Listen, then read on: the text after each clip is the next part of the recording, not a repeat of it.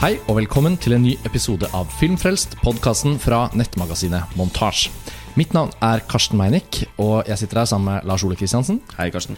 Og vi er på plass i Berlin for årets utgave av Berlinalen, filmfestivalen. Eh, Dette er den første festivalpodkasten fra Berlin i år. Eh, Festivalen har vart i fire dager, og vi har på en måte Vi har liksom litt ventet på en skikkelig film, eh, og det fikk vi i dag. Så det, eh, det er grunnen til at dette blir den første episoden. Vi har faktisk eh, akkurat kommet ut av denne filmen, kastet oss i en taxi og kommet oss til studioet vårt her i Berlin for å lage denne episoden. For denne filmen må vi altså bare få snakket om med en gang. Ja. Og hvilken Og film er dette? Det er Vi har sett filmen 'Call Me By Your Name' av Luca Guadagnino. Den italienske regissøren som tidligere har stått bak filmer som har gått på norsk kino. 'I Am Love' med Tilda Swinton. Den litt sånn Bertolucci-aktige eh, familiekrøniken eh, som eh, var på norske kinoer for Ja, var det i 2009? det var 2010, ja. kanskje? Fem-seks år siden. Eh, og A Bigger Splash, eh, som hadde sin premiere i Venezia i 2015. Som var en av mine favoritter i, i Venezia det året, og som gikk på norske kinoer i fjor. Ehm, og eh, han eh, arbeider for tiden med en Altså, jeg tror den vel også snart er Altså, den er vel i, under innspilling. Han har vel to filmer klare i år, på mange måter. da For den Ja, eh, fordi han jobber med en remake av Daro Argento Suspiria. Eh, som er da satt til Berlin. Eh, Visstnok skal være inspirert av Fassbinder. Og som eh, ifølge Guadagnino selv eh, skal være en, en inspirert take på Argentos klassiker. Inspirert av Fassbinder, og at den skal være en eh, Ja, altså at den liksom At, at den skal være en slags festivalfilm. Ja. Så den kan jo plutselig dukke opp i Venezia, f.eks. Men denne andre filmen han har laget, da 'Call Me By Your Name', den har gått litt under radaren. da Den ble jo filmet i fjor sommer, i 2016, i Italia. Og øhm, dukket vel egentlig først skikkelig opp på radaren øh, da den ble vist i Sundance nå i januar, og fikk veldig god buzz. Så vi har jo markert oss denne filmen, og Guadagnino er en filmskaper man har, kjenner en ganske stor nysgjerrighet for. Jeg fikk ikke sett The Bigger Splash da den gikk på kino, så jeg har jo da kjøpt inn den på Blu-ray og sett den i forkant av Berlinalen. For det er litt sånn La oss se om denne Guadagnino kan på en måte komme seg opp et hakk. Jeg, ja, jeg syns det, har vært veldig lovende lenge da, med han. Jo, jeg har mente ikke hatt ikke var- kjempesansen for de, tidligere filmene hans, men det er ingen av de som har helt vært sånn storverk. Nei, og I'm Love var en veldig god film, men jeg har ikke liksom returnert til Den har ikke blitt en Neida. sånn Den har ikke liksom Etter hvert som årene har gått Og Bigger Splash, jeg likte den, men jeg syns også den tok en vending på et tidspunkt som gjorde den til en litt mindre film enn den kunne virke som i første halvdelen og sånn. Ja. Så jeg mener jo at selvfølgelig, han har jo eh, potensial, og man ser det. Man ser det at det er en der. filmskaper Ja. der som er veldig Nettopp. pirrende. Så det er Eh, build-upen for vår del ja. til, frem til denne Call Me By Your Name. da Også Suspiria-remaken som kommer til høsten. Har man jo sittet Jeg kjenner jo Da er man jo litt sånn på gjerdet. Liksom sånn, vi får se med den. Men nå Ja, nå er jeg Nå. veldig klar for den. Ja. Fordi eh, For Guadagnino er ikke i en dårlig fase som filmskaper, for å si det mildt. Han har jo nå plutselig eh, bykset seg selv opp helt i elitedivisjonen. Og jeg føler altså sånn fra med dette tidspunktet så er det offisielt at det er ikke lenger Sorrentino som er ledestjernen i italiensk film. Det er det Luca Guadagnino som er, fordi 'Call Me By Your Name' er et mesterverk. Ja, det jeg vet nesten ikke hvor vi skal begynne. Nei, det er en helt fantastisk film, og som jeg sa innledningsvis, vi måtte, vi måtte Det var ikke egentlig på planen å lage en podkast, fordi vi skal på visning av James Grace Lost City Lost, Hva heter den igjen? Sit, Lost City of Z. Lost City of Z, som begynner om ikke så lenge. Men vi har altså rushet til studio fordi vi må snakke om denne Ja, filmen gang. Og, og vi har jo sett et par andre filmer som vi også skal lage podkastepisoder om. vi Altså. måtte- ja. Så, Så men, da- men dette bare føltes så akutt. Nå må ikke Ja. den komme i siste Nei da, den, nei, stiller ikke den stiller seg eh, fremst i køen fordi den er en opplevelse av det kaliberet som man alltid håper på når man er på filmfestival. Og det skjer en gang iblant, eh, men, men strengt tatt ikke så ofte. Iallfall ikke kombinasjonen av et enormt eh, Altså et, et, et, et, praktverk av filmkunst som det er, men som samtidig har en, eh, en emosjonell tyngde og, og, liksom, og, og har en resonans som gjør at man blir helt sånn Helt sånn ferdig når man har sett den. Man blir helt nullstilt, for man føler at Oi, man har fortsatt til gode å få sånn type filmopplevelser som gjør at man plutselig bare glemmer alt annet man har sett Ja. de siste ukene. Ja, og det er jo Jeg kan må jo bare føye meg til alt det du sier nå. Og,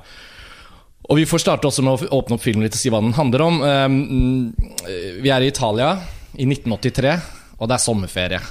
Og eh, et uh, ektepar uh, med, med stor intellektuell kapasitet. Uh, faren i familien er professor i antageligvis i arkeologi. Spilles av Michael Stuhlbarg, kjent særlig fra A Serious Man. Så det er på en måte amerikanere, men kona virker å være fransk eller italiensk, og de veksler mellom forskjellige språk. De snakker litt engelsk med hverandre, litt fransk, litt italiensk. De er på et slags en villa, får vi kalle det. Et herregård oh, ja. i, i Nord-Italia et sted. Og hovedpersonen er deres 17 år gamle sønn. Som eh, er en herlig, eh, fin fyr. Eh, skal vi se om jeg husker skuespillerens navn. Han er eh, Timothy Ja, det skulle jeg selvfølgelig Timothy. Chalamet. Timothy Chalamet. Og Så det kan jo da virke som han er halvt fransk. ja, det må være noe eh, der. Nå har ikke vi fått sjekket opp alt dette i forkant, men i hvert fall en fantastisk fin skuespillerprestasjon i hovedrollen. Den 17 år gamle gutten Og det er en oppvekstfilm på mange måter, men det er også en uh, film om kjærlighet. uh, fordi de inviterer da en en gjest til sommerhuset sitt for å jobbe med faren. Altså en, en annen uh, intellektuell, en akademiker som kommer for å være del av de prosjektene som pågår, men også nyte sommerferien. Og til denne sommeren, 1983, så kommer da um, hva skal vi kalle han? Uh, en, en, for så vidt en venn av familien, men også en liksom ny person inn i livet til uh, han Elio, hovedpersonen. Og Oliver, som han heter, som er en amerikaner i midten av 30-årene, kanskje tidlig 30-årene, spilte Army Hammer. Blir jo da eh, rett og slett den store sommerforelskelsen for denne 17-årige gutten. Eh, og det er jo på en måte utgangspunktet. Og så følger vi utviklingen av både en kjærlighetshistorie, men også en dannelseshistorie for han. En oppvekstfortelling. En seksuell dannelseshistorie. Men den er ikke en film som bare har én type tematikk, eller som skildrer de tingene jeg nå ramser opp på liksom én spesifikk måte. Den unn, unngår uh, veldig mange av de faste klisjeene vi er vant med. Og blir Altså, det liksom en sånn de der eh, en del av de queer-film-klisjeene, føler jeg. Altså den eh, Selv om den selvfølgelig for all ettertid vil sannsynligvis vil bli stående som et av mm, de store verkene innenfor det man omtaler som queer-film, så eh, så er den på samme måte som 'Blå er den varmeste fargen' er det. Eh, først og fremst en coming of age-fortelling eh, som er så universell at den inviterer absolutt alle rundt bordet. Og den handler ikke om en spesifikk form for Altså Det handler ikke om følelse av utestengelse eller av fortrengt seksualitet. Altså, det, det, hovedpersonen oppdager jo dette. Altså, alt er nytt. Eh, og, Og vi får liksom og settingen- det. Ja, og settingen inviterer oss så veldig liksom ja, jeg håper å si igjen rundt bordet Mm, for å ta del i Det er noe med denne veldig sånn åpne, herlige familien, liksom Mm. borgerlige eh, familien eh, i sentrum av fortellingen, med som du sier, intellektuell kapasitet. De spiser fantastiske måltider, har en tjenerske som lager all maten, de drikker alkohol, de røyker, snakker om Altså, det er en sånn Og han, eh, og, og har mange venner. Altså, det er ikke bare han, det er jo mange sånne venner som kommer og går, Mm. som får bo der. Det er sånn, bare kom, vi Det glir sånne små bifigurer inn og ut. og man sånn vet også, gjennom og, sant, og, og man vet bitte litt grann om Luca Guadagnino selv, så er det interessant å nevne at han, han er jo veldig rik. Mm. Eh, han, han eh, Han kommer fra de miljøene han skildrer. Ja.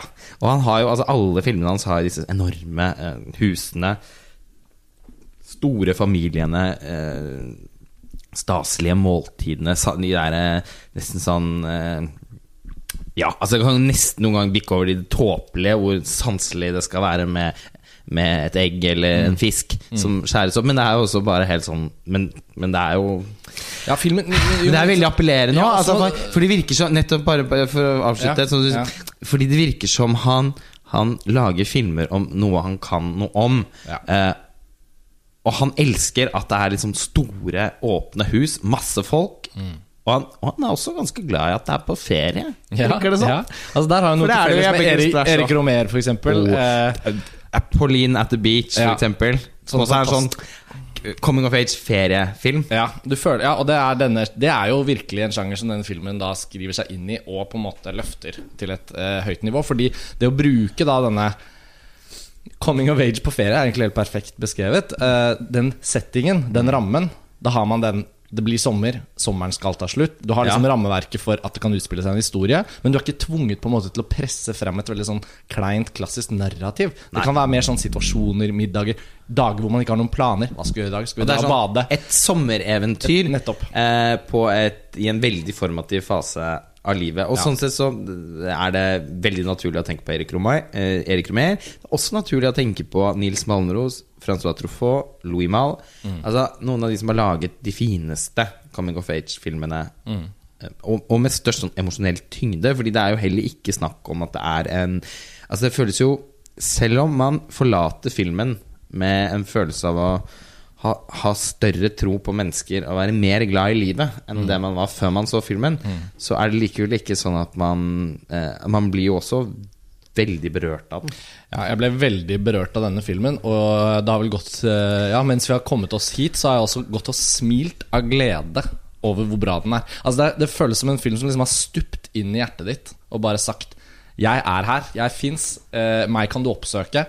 Det, er, det kommer noen så kloke refleksjoner på tidspunktet i denne filmen at uh, at jeg fikk, jeg fikk, ja, Den er basert på en roman eh, fra 2007, så jeg fikk umiddelbart lyst til å kjøpe romanen. Og om ikke lese den fra start til slutt, i hvert fall bla frem til den ene scenen, f.eks. Også, og lese det faren sier til sin sønn. Den har, den, eh, som, som vi sa litt nå, at jo, den skildrer eh, et eh, kjærlighetsforhold mellom en 17 år gammel gutt og en mann han eh, blir veldig tiltrukket av. Så sånn sett så den, ja, den kan være en queer-film, men den kan være det er en film som virkelig kan være en film fra veldig mange vinkler. Jeg synes det var fascinerende å tenke på hvordan den er så åpen til også forskjellige typer publikummere. Vi så den med vårt blikk, på en måte. Jeg ble jo far i fjor og har liksom en liten baby hjemme, men jeg har ikke rukket å tenke på hvor mye Eller sånn Filmen minnet meg om hvor mye man også skal være der om 20 år, eller om 17 år. Altså sånn Å være der og ha de gode samtalene og, og hovedpersonen i denne filmen, han er jo klar over hva som skjer, men han vet ikke helt hvordan han skal håndtere det. Men han er også altfor smart til å være en sånn dust, fiksjonell rollefigur som ikke klarer å Som lyver seg opp i situasjoner. han og sånn. og han har jo så mange egenskaper. Ja, han er altså, han er jo ikke en figur, han er et menneske. virkelig, Han, og- han, han syns det er deilig å røyke sigaretter. Han, han, han, han, liker, altså, han er jo svært interessert i musikk. Og er Han er også dykt- litt interessert pianist. i en venninne fra tidligere mm, somre. Så det er et sånt parallelle kjærlighetsforhold. Men han, den store passion er det jo ingen tvil om hvor han dirigerer. Men han, Nei, han men den finner liksom ut av forskjellige ting ja, samtidig. men liksom den seksuelle utforskningen er, foregår på en måte litt sånn i begge de leirene. Eh, ingen tvil om at Arnie Hammer er den, altså, det er han han blir betatt av. Ja. Sånn helt sånn Noe filmen også understreker da gjennom på en måte den fantastiske castingen av Ja, Armie Hammer. Og også liksom ja. subtematikken rundt skulptur, antikke skulpturer, kunst. Og også, Mm. Armie Hammer- av, noen av avbildningene av Arnie Hammer er jo som om Luca Guadagnino har på en måte gjort han til en sånn statue i villaens hage. På en måte, som det, det, han er ser jo nesten film. ut som bare, skulpturen altså. i filmen. Ja, det Eh, og så mange nivåer av brahet. Ja, for, Eh, fordi Det er det som gjør meg så glad. Jeg blir sånn sprudleglad over at filmen har har så mange sider den er bra på. Og det, og det gjør at den blir jo også selvfølgelig både som queerfilm og som oppvekstfilm og som en film fra en sommer i Italia. Det blir liksom, den berikes i alle de sjangerne den er en del av. finnes som både foreldre og ungdommer, og alle kan samles rundt og ha, ha litt sånn ulik type utbytte av. Ja, nettopp. Eh, men den eh, Men utbytte har man. Ja, det er en film man kan bruke til noe. Den kan man definitivt bruke til noe. Også fordi at det er en film som hvor Som så ofte i det virkelige livet, så er det også en film hvor, hvor mennesker er liksom gode med hverandre. Altså Foreldrene, for, for eksempel, så er det jo sånn at de sakte, men sikkert observerer denne forelskelsen. Og ikke helt velger å ta det opp med han, men lar han få rom til å oppleve den. De, ikke, de bryr seg ikke med det. Ved et par anledninger så hinter de fram til at de syns det er veldig flott at de, er, at, at de to har fått så god kontakt. Men de legger seg ikke opp i det. Eh, forsøker ikke å være sånn over, overdrevent nysgjerrige. Eh, de skal heller ikke liksom demonstrere sin egen kulhet eller åpenhet på noe tidspunkt. Eh, men lar sønnen deres, som de åpenbart elsker utrolig høyt, eh, og som og så Forholdene mellom de er så fint skildret i filmen òg. Man ser liksom en familie med tette eh, relasjoner. Jeg sier ikke Det er ikke alle familier som er sånn. altså, men Rollefilmene gir hverandre klemmer og Ja. viser liksom kjærlighet for hverandre, Nettopp. også på sånn mellomfamiliær måte. Ikke sant? Eh, og det tror jeg ganske mange har opplevd Altså vokst opp i den type familie selv. Og eh, når man ser en film som også liksom handler om Filmen forsøker jo ikke å gjøre Altså Den handler jo ikke om at dette er vanskelig, egentlig.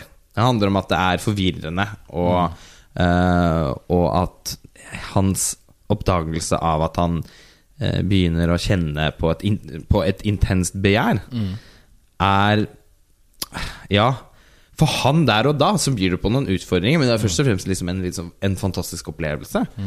Og, og det medfører at han også må, er nødt til å prosessere det å at det faktum at denne relasjonen strengt tatt ikke kan bli noe av.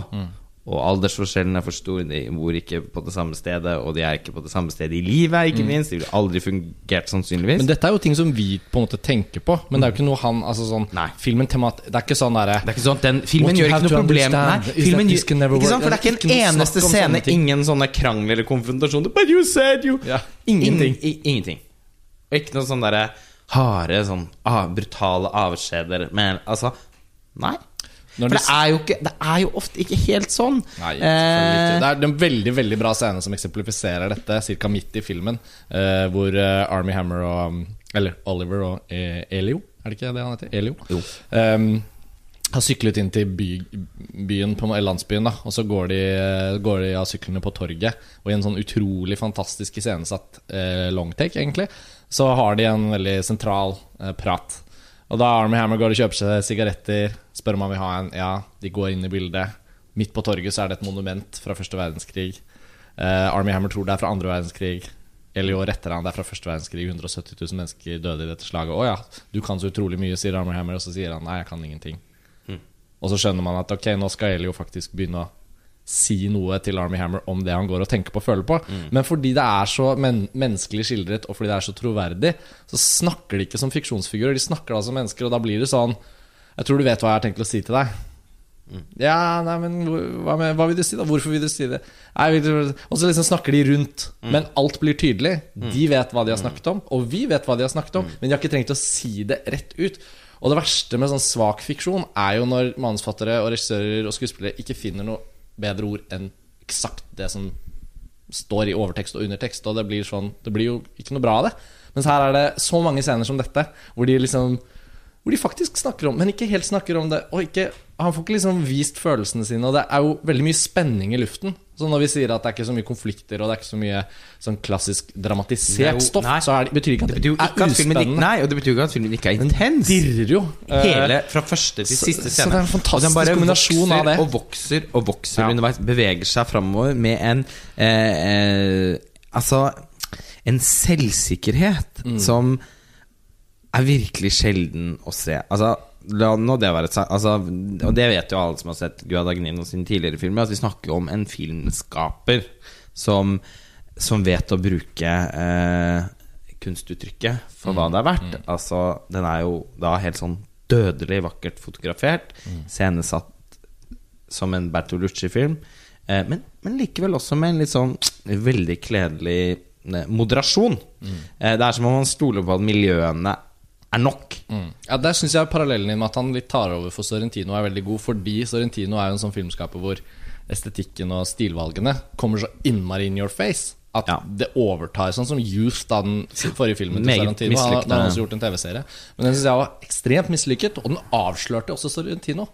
Eller jeg følte i hvert fall at den fortalte meg at Sorrentino sin stil er ikke nødvendigvis så tilpasningsdyktig at den kan egne seg til å fortelle veldig mange forskjellige typer historier. Ja, nettopp, det Eh, og det er heller egentlig ingen andre Sorrentino-filmer som jeg er i nær jeg- ikke engang er i nærheten av å like like godt som jeg liker Den store skjønnheten.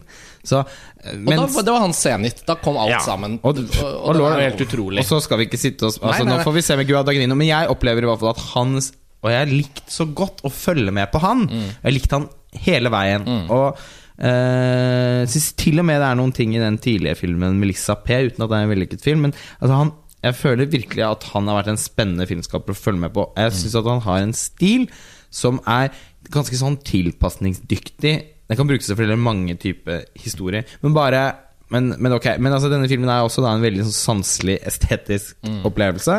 En helt fantastisk klippet. Ja, fy- Altså hele veien. Flyten i denne filmen. Og til å være da også 1 time og 30 minutter, for den er lang, og den er i og for seg Ja, altså 130 minutter er den vel. To timer Ja. og ti minutter. Ja, det jeg mente. Ja, ikke 130 minutter. Altså Den er ganske lang, Ja. eh, og den har et Den føles ikke langsom, men den har et tempo som det her er så til stede i alle øyeblikk og stemninger at, Ja. at den ha en sånn, mer sånn meditativt toneleie. Men ikke helt det heller, for det er ikke noe sånn festivalfilmklisjé over måten filmen er verken strukturert på som fortelling eller konseptualisert eh, som rent visuelt. da Nei. Så den har ikke Det er liksom ingen av de ting det er, Å, det er så Den er bare til, tilgjengelig. Åh, ja, jeg får nesten liksom bare liksom, Det er liksom bare bra! Ja, det jeg vet.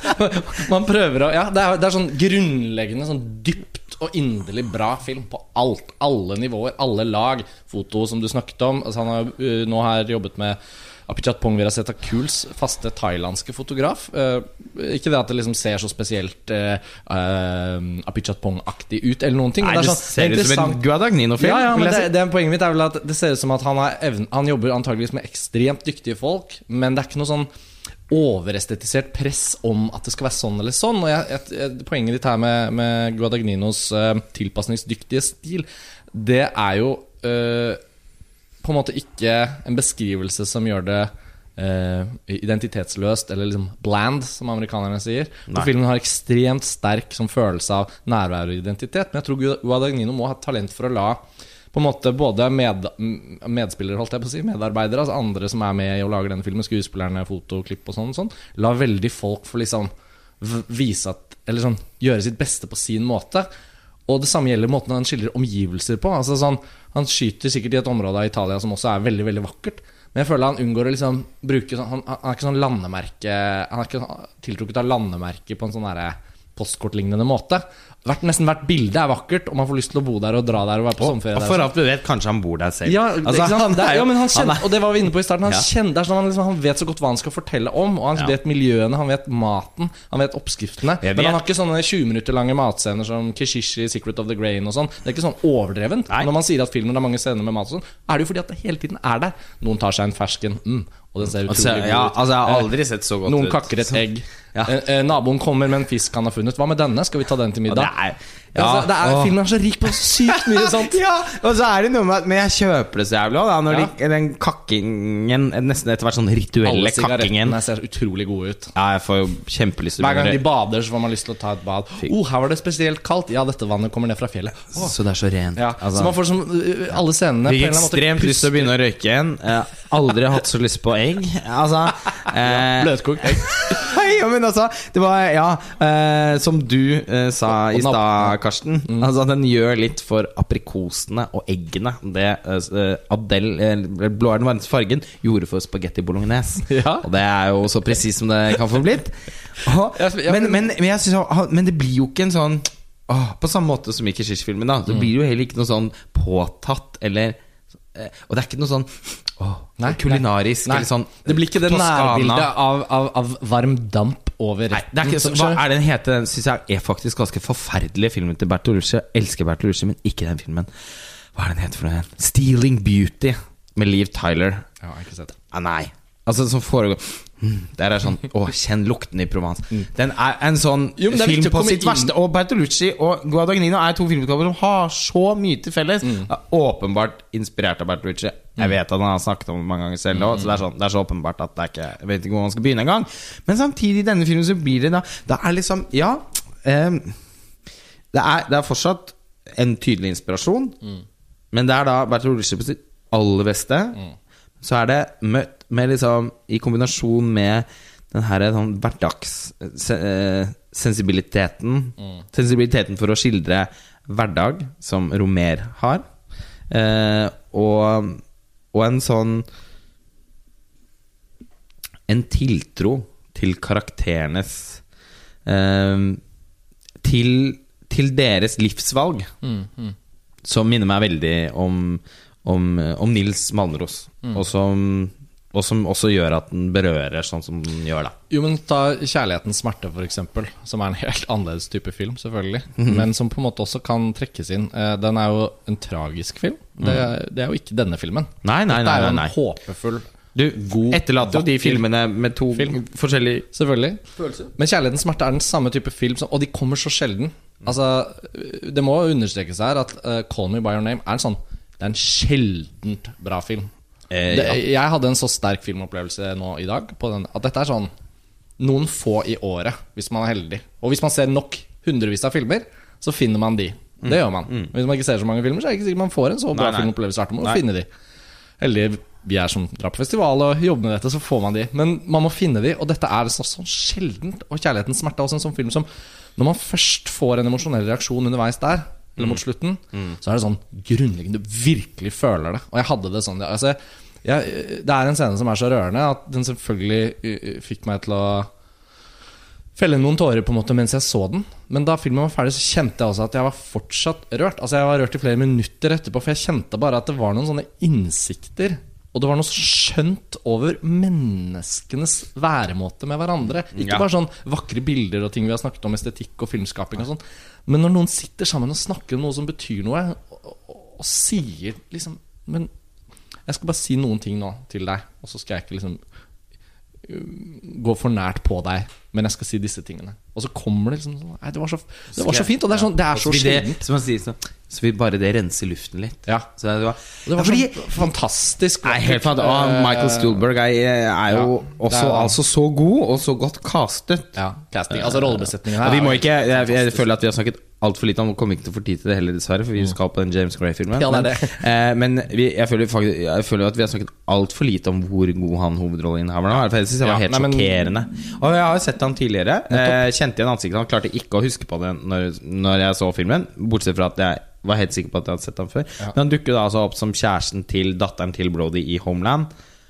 Og Ja, Visepresidentens sønn da i Homeland sesong Ja, men de har jo en sånn affair, holdt jeg på å si. Ja. Ehm, og så dukker han opp eh, som sønnen til Matthew McConney i Interstellar. Nettopp. Altså eh, Casey Affleck som ung, Ja. på mange måter. Ja, og han er så god her. Altså Han er så god at det er liksom ikke sånn Det er ikke en klassisk sånn god rolletolkning, skuespill Nei, det er liksom. sånn helt, Han- helt, helt Det er sånn litt utrolig. sånn Litt som sånn- Exarchopolos Eh, i 'Bladet den varmeste fargen'. Hvor du ser på en måte en ung skuespiller som, som totalt går inn i den rollefiguren og menneskeliggjør den. Men også liksom Det virker som om han helt garantert har brakt ting foran kamera som kanskje ikke manus engang var inne på. Må- eh, ma- ma- Sånn maneris- lange, han- lange tagninger hvor han sitter og har noen for seg selv sånn stille, emosjonelle responser på ting. Han kan spille ting. piano. Ja, som er sånn Oi. Det er sånn ordentlig spill. Det er en stor, stor film. Og Eh, han måte også og reddet hele års Altså så Det er sånn Reddet Som vi sa i dag, vært- nå kunne vi dratt hjem. Ja. Jeg har vært hele turen alene. Ja, Berlinalen er på en Eh, måte reddet allerede ja. av denne filmen. Og vi har også Vi har sett andre gode filmer, og skal vi ikke komme inn på. Skal Nei. ikke ta en runde. Men det er også en, sånn, det er også en, også en sånn film som gjør at man eh, Ja. Ja. Blir det noe bedre film enn dette i år, da? Vi får se. Mm. Altså Som, som man ser i år. Eh, det, det er jo en av de. En av de filmene. Helt, helt, helt der Så- oppe. Og den har da norsk distribusjon, bare sånn fordi vi må avslutte. Så må jeg bare skyte inn det at den så fremt vi eh, vet, og så fremt ikke ting endrer seg, så har den norsk distribusjon. Det er vel da UiP som har rettigheten i Norge. eh, for den er da kjøpt inn av Sony Pictures Classics i USA. Uh, Oscar-praten er selvfølgelig da allerede i gang. eh, og det er litt sånn nesten Filmen er så utrolig mye større og smartere og kulere enn Oscar-prat. Så det gidder jeg ikke å begynne på engang. Eh, det er sånn film som hvis Oscar eh, ikke får den med seg, så blir det bare enda kulere for filmen. For den klarer Ja, seg så fint alene. Men de den- klarer seg jo lenge med den 'Moonlight', årets eh, mest irriterende og overvurderte film, eh, syns jeg. Eh, en film som da eh, blir jo på en måte da enda eh, Det blir enda tydeligere for meg hvorfor jeg syns den er så svak. Eh, satt opp på denne filmen. Ikke det, de er bare til dels tematisk beslektet, men likevel. Eh, det er ikke helt unaturlig å, å sette de eh, altså, Ikke opp mot Men altså sånn Og for, det, er, det er naturlig å, å, å, å tenke på noen paralleller. Ja. Og eh, 'Moonlight' er jo da en film som er en lidelseshistorie, og hvor all, nesten alle er eh, slemme, eh, undertrykkere. Eh, veldig sånn figuraktige, tegnet med sånn tykke konturer, men uten noe liksom egentlig, syns jeg, menneskelige egenskaper. Ikke minst hovedkarakteren, som nesten ikke klarer å gjøre noe annet enn å se trist og være un ut og være undertrykt og, uh, og redd. Mens og jeg, klar, altså, poenget, jeg, jo, jeg ble jo ikke berørt av det. Fordi jeg, syns, jeg opplevde det ikke som en menneskelig fortelling. Jeg Opplevde det som kjempekonstruert og, og, te, og, og påståelig. Og teatralsk, ikke minst. Eh, disse tre lidelsesaktene. Eh, det satt det, det, det totale, Den totale mangelen på liv og på menneskelighet i den filmen, satt opp mot det Guadagnino har laget, det håper jeg eh, andre også kan føle litt på, sånn at jeg ikke blir helt alene om å Og jeg vet jo at jeg ikke er helt alene, men dette, om, dette, vi må jo dette er traileren til Moonlight-podkasten. Ja, for vi må lage den, faktisk. Veldig bra teaser der. Ja. Og nå har den fått seks i alle norske aviser, og det er liksom Ja, James Gray venter på oss. Jeg får, se den, jeg får eh, prøve å se den igjen og, og, og, og finne noen kvaliteter i den da, men det For å avslutte, så vil jeg si da at koblingen er naturlig fordi Moonlight går på kino nå, og vi så Call Me By Your Name nå. Men Call Me By Your Name, som jeg skulle til å si før du begynte med Moonlight, det er en film som sannsynligvis da får norsk kinopremiere ikke i dette halvåret, på en måte, men heller mot høst, jul, vinter neste år. Så, det, så det, til lytterne våre, da, så tenker jeg at den, den må man jo vente litt på. Men parallellen fins der, og Moonlight har jo fått så mange terningkast seks at man må finne på flere hull på terningen hvis man skal Det er det jeg mener òg. Ja. Altså, sånn, hva, hva skal man da gjøre med en film som Hvis, hvis Moonlight er et, eh, et, et mesterverk og eh, årets beste film, hva gjør man da i møte med en så overlegen film om, med mange av de samme Ja. ja. Eller potensielt en del av de samme mm, motivene, eller Ja. Ja, vi får la det henge. Ja, la det Eh, hei, dette er jo selvfølgelig egentlig en en og en halv times episode av Filmfrelst. For de som hører på fast, så vet de at av og til så har vi tiden til å gjøre de skikkelig lange rundene. Og det kunne vi gjort, og vi kommer jo til å komme tilbake til denne filmen, garantert. Så det får bli med dette. Dette var festivalrapporten. Vi må rett og slett se den James Gray-filmen og Ja. kaste oss i en taxi. Men takk for at dere hører på. Og selvfølgelig betyr jo dette nå at vi kommer med flere Berlinale-podkaster. Vi. Og vi har sett andre filmer som har vært å snakke om òg, for all del. Absolutt. Så følg med, og takk for denne gang. Takk for det. Ha det bra. Ha det.